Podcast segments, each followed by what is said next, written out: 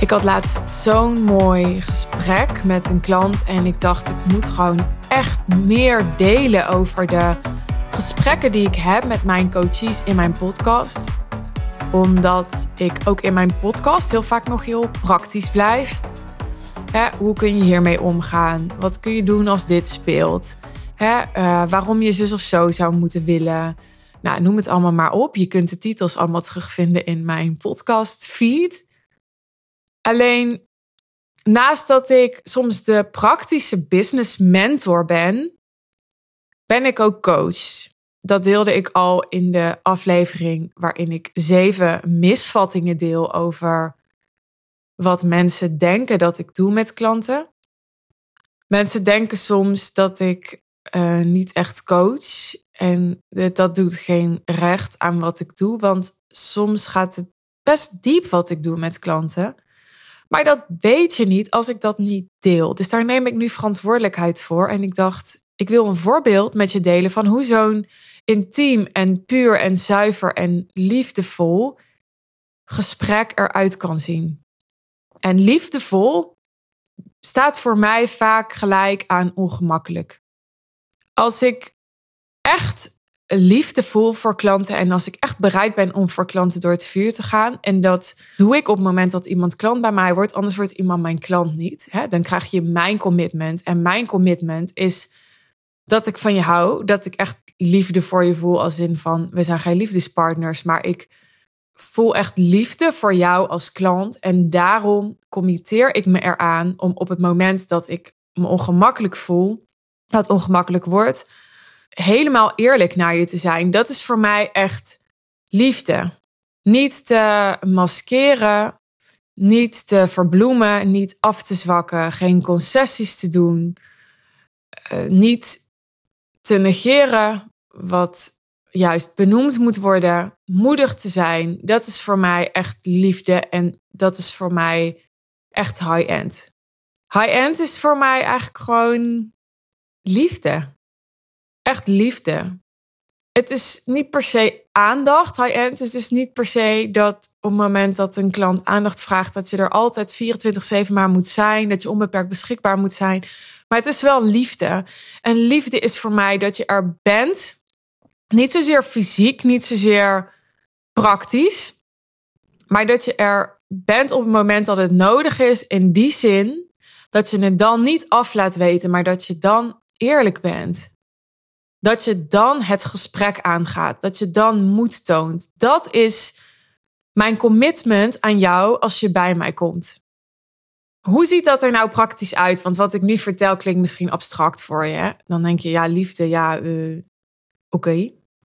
Ik zal een soort casus met je delen. Ik had al een tijdje contact met een klant die uh, echt goed leads aan het genereren was. En die dus veel gesprek had over haar programma, maar de conversie was niet zo heel goed. Dus we waren aan het onderzoeken al een aantal weken, waar zit hem dat nou in? En ik was haar praktisch handvat aan het geven. Je kan dit doen, je kan dat doen, je kan dit zeggen, je kan het zo aanpakken. Ga dit oefenen, ga dat proberen. En dat was ze aan het doen. En ik vond dat het nog te weinig opleverde. Ik dacht, ja, zo kan ik nog acht keer je een advies geven of een soort bewezen strategie geven van dingen waarvan ik heb gemerkt dat ze voor mij werkten of voor andere klanten werkten. Maar ik denk dat we dieper moeten gaan. Dat is iets wat ik dan intuïtief voel en wat ik dan benoem. En weet je, het was makkelijker geweest voor mij, veel makkelijker om gewoon het maar een beetje zo te laten en te wachten totdat die klant weer met een vraag over sales bij mij kwam of niet. En ondertussen, ja, maar een beetje zo aan te kijken hoe het ging. Maar daarvoor ben ik er niet. Hè? Ik, ik ben er voor mijn klanten om te doen wat nodig is als het nodig is. En in dit geval voelde ik, hier speelt iets op een dieper level. En ik stelde haar voor, ik wil een deel van een gesprek van jou horen, zodat ik kan waarnemen direct van de bron. Zonder dat ik achteraf van jou, vanuit jouw perceptie, hoor hoe jij dat gesprek hebt beleefd. Want als wij iets navertellen, dan vertellen we altijd na hoe wij dat hebben beleefd. Je weet zelf ook, als tien keer hetzelfde verhaal doorverteld wordt, dan is bij de tiende persoon is het een compleet ander verhaal geworden dan bij persoon 1. Nou, die vervorming die ontstaat, die ontstaat ook al als ik dus achteraf het verhaal of achteraf de ervaring hoor van dat gesprek van de ondernemer. Dus als ik merk dat dat op korte termijn niet voldoende is om verandering teweeg te brengen, dan denk ik: oké, hoe kunnen we het dan aanpakken? Nou, deze klant van mij, ze vond dat een goed idee. Ik heb een stuk gesprek geluisterd, maar 10 minuten. En ik had na serieus 30 seconden al door wat er speelde. 30 seconden. Zo weinig tijd had ik nodig. Ik heb uiteindelijk 10 minuten geluisterd. En na die 10 minuten had ik acht punten opgeschreven van dingen die mij opvielen. En die heb ik alle acht gedeeld met haar. En daarna heb ik een soort conclusie van die acht punten met haar gedeeld. En ik zei dingen die niet per se aardig waren. Maar ik nam daarmee ook een risico dat ze daar boos over zou worden naar mij. Of hè, dat ze daarover in discussie zou gaan met mij. Dat ze zich zou verdedigen. Maar ik zei het toch. En het was niet het enige. Nogmaals, ik had iets van acht punten. En ik dacht, oké, als iemand dit aan mij zou geven als feedback, dan zou ik het absoluut kunnen dragen. Ik betaal mensen om eerlijk tegen mij te zijn. En ik ben super ambitieus en eager. Dus hè, part of the deal, en dat weet ik, is dat ik het dan kan dragen als ik echt harde, pijnlijke feedback krijg. Maar ik zou het niet leuk vinden. En nou ja, ik, toch deelde ik dat met haar en ik wilde applaudisseren voor hoe ze het oppakte. Ik heb haar ook een compliment voor gegeven. Ik zei: Je bent zo coachable. I freaking love it. Op zo'n moment kan ik me zo vervuld voelen door wat ik doe omdat ik over mezelf ben heen gestapt, omdat ik risico heb genomen, omdat ik moed heb getoond om te zeggen wat echt nodig is dat gezegd moet worden. Omdat ik iemand heb aangetrokken, een klant heb aangetrokken die het kan dragen, die het niet alleen kan dragen, maar die het ook waardeert. Die het kan ontvangen. sommige mensen kunnen het wel dragen, dus ze kunnen het aan dat het tegen wordt gezegd, maar dat is nog iets anders dan kunnen ontvangen, binnen kunnen laten komen. Maar ik voelde dat ze het kon ontvangen. En daarmee voelde ik dat ik op dat moment zo enorm tot mijn recht kom. Dat ik ook weer echt diep van binnen, en ik voel het weer als ik dit inspreek. Ik kan echt wel bijna een soort van janken daarover. Ik kan dan echt zo'n intense dankbaarheid voelen voor het feit dat ik doe wat ik doe omdat dit precies wat ik vandaag weer ervaarde en wat ik steeds meer ervaar, omdat ik steeds moediger durf te zijn en dus steeds meer ook de klanten aantrek die moet heel erg waarderen, appreciëren en kunnen ontvangen. Dat is wat ik voor jou ook wil. Dat is wat ik voor mijn klanten allemaal ook wil. En dat is precies wat ik hoorde dat in dat gesprek waar ik naar luisterde van mijn klant niet gebeurde ik voelde gewoon dat er een complete uh, mismatch was. En dat er geen erkenning voor die mismatch was in dat gesprek. En het feit dat ik zelf wel die match voelde en dat ik dat gemanifesteerd heb en dat ik de confidence voel om mijn klanten te helpen datzelfde te manifesteren. Dus die klanten die echt oprecht hun waarde kunnen benutten ja, dat is echt amazing. En weet je, ik ga heel eerlijk met je zijn. Ik ben een super geldgedreven vrouw. En ik denk dat ik de rest van mijn leven money-making activities zou doen. En dat ik het ook prima zou vinden om huisjes te melken als me dat geld zou opleveren en zo. I don't care. Ik schaam me daar ook niet voor. Maar daarnaast ben ik bereid om echt door het stof te gaan, pijn te lijden, mezelf te overwinnen om dit te kunnen ervaren. En dit wil ik met alle liefde ook gratis doen, klanten hierbij helpen. Dus die twee dingen staan voor mij helemaal los van elkaar. Ja, ik wil heel veel geld verdienen. En tegelijkertijd wil ik de rest van mijn leven deze vervulling, deze dankbaarheid ervaren voor wat ik een ander kan geven en hoe die ander dat kan ontvangen.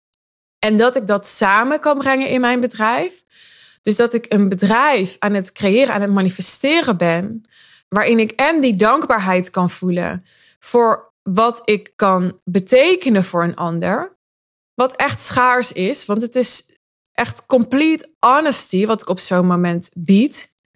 En dit kun je op niet veel plekken krijgen. Ik hoor dat ook terug van klanten, dat een van de redenen waarom ze bij mij komen is dat ik zeg wat anderen niet durven te zeggen. En dat ze, ze, ze kunnen masterminds creëren, ze kunnen business buddies creëren. Ze kunnen in Facebookgroepen gaan met ondernemers, ze kunnen netwerken, ze kunnen van alles doen. Alleen 99% van de mensen zal niet compleet eerlijk zijn, omdat ze liever aardig gevonden worden, omdat ze liever bij de groep horen, omdat ze liever zichzelf veilig houden, niet het risico nemen afgewezen te worden, dan dat ze uit liefde voor jou compleet eerlijk met je zijn. Dat is zoveel geld waard en dat ik in staat ben dat te bieden, daar kan ik zo dankbaar over zijn. En nogmaals, het gaat niet alleen om wat ik kan geven, want als het niet ontvangen wordt door de ander, dan is het niks waard. Dus het is echt een wisselwerking tussen dat ik bereid ben en in staat ben om het de ander te geven en dat de ander in staat is om het te ontvangen. En dan ontstaat er zoveel waarde. Dan voel ik dat ik van zo'n grote betekenis kan zijn voor iemand. Weet je, ik kom dit heel veel tegen bij hele bewuste, hele ontwikkelde vrouwen en mannen ook, maakt niet uit. Dat ze dingen goed praten, omdat ze dus op non-duaal niveau weten, kunnen voelen dat het goed is. Maar dat is als je zweeft. Hè? En op duaal niveau, hier op de grond, is er gewoon zoiets als geld. Is er gewoon zoiets als emotie. Zijn er gewoon hele platte, menselijke, onsexy, onjuicy dingen is er niet alleen maar liefde? Is er heel veel contrast? Is er heel veel oorlog? Is er heel veel ongemak? Is er heel veel pijn? Is er heel veel verdriet? Is er, dat, dat is er allemaal. En er is ook ongelijkheid en er is ook ambitie en er is tevredenheid en er is ontevredenheid en het is er allemaal. En als je vanuit een non-duale bril naar de duale wereld wil kijken, dan beland je in een soort spiritual bypassing. Waarbij je goed gaat praten wat eigenlijk niet echt goed voor jou is. Waarbij je iets goed gaat praten wat veel meer iets is wat je tolereert dan iets is wat werkelijk goed is voor jou.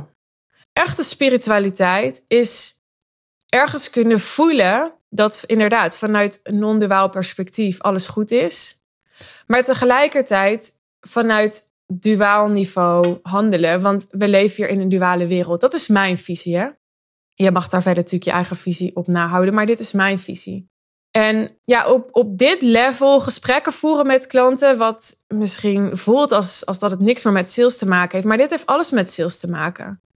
Want hoe jij omgaat met jezelf, zo ga je ook om met potentiële klanten. Dus als jij dingen tolereert, als jij dingen goed praat voor jezelf die eigenlijk niet goed voor jou zijn. Dus als jij ontkent dat je nog veel meer wil dan dat je nu hebt, omdat je vooral vindt, hè, vanuit een soort, ja, wat ik zeg, spiritual bypassing, dat alles al goed moet zijn, dan ga je datzelfde bij klanten doen. Dus dan ga je ook misschien bijvoorbeeld te begripvol zijn in sales calls, omdat je mensen niet het gevoel wil geven dat het mogelijk niet goed is. Terwijl die mensen willen gewoon in die sales call aan je uitleggen dat het niet goed is. En die willen gewoon dat jij dat bevestigt. Dat jij zegt, ja, het is inderdaad niet goed. En je hebt een oplossing nodig. En dit is mijn oplossing. He, dus op het moment dat jij dit soort persoonlijke issues met jou meedraagt, die in mijn coaching dus echt aan bod komen, dan werkt dat door in je marketing, in je sales calls. Het werkt overal in door.